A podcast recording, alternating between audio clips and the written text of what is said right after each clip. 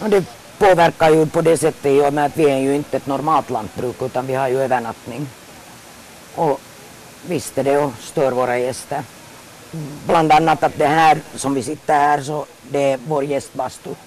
Och den vill de ju knappast använda när det är på andra sidan grävmaskiner och, Och ljud. och ljud.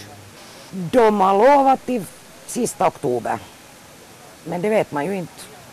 Vädren kan ställa till det. Och Men vad tror ni sen om framtiden då? Är det liksom en bra sak att det byggs de här trottoarerna?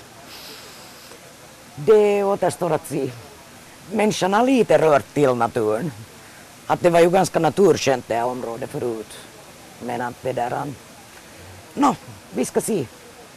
Vi ska inte vara så hemskt pessimistiska.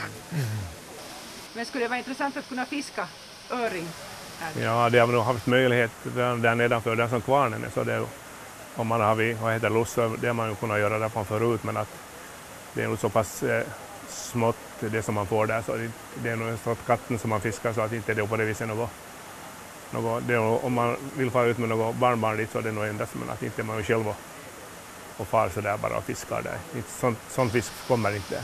Men tror du det blir bättre nu då? Nå, det tror jag nog knappast att det blir något bättre. Jag tycker i det här fallet att det är lite överdimensionerat det här, eh, det här bygget mot vad heter det, det här lilla vattendraget som är så, så tycker jag att det är lite, lite för stort ingrepp på det här området. Vi ser ju i slutet på oktober hur det Ja. ser ut. Det är halvfärdigt arbete, man får se vad det blir när det är färdigt.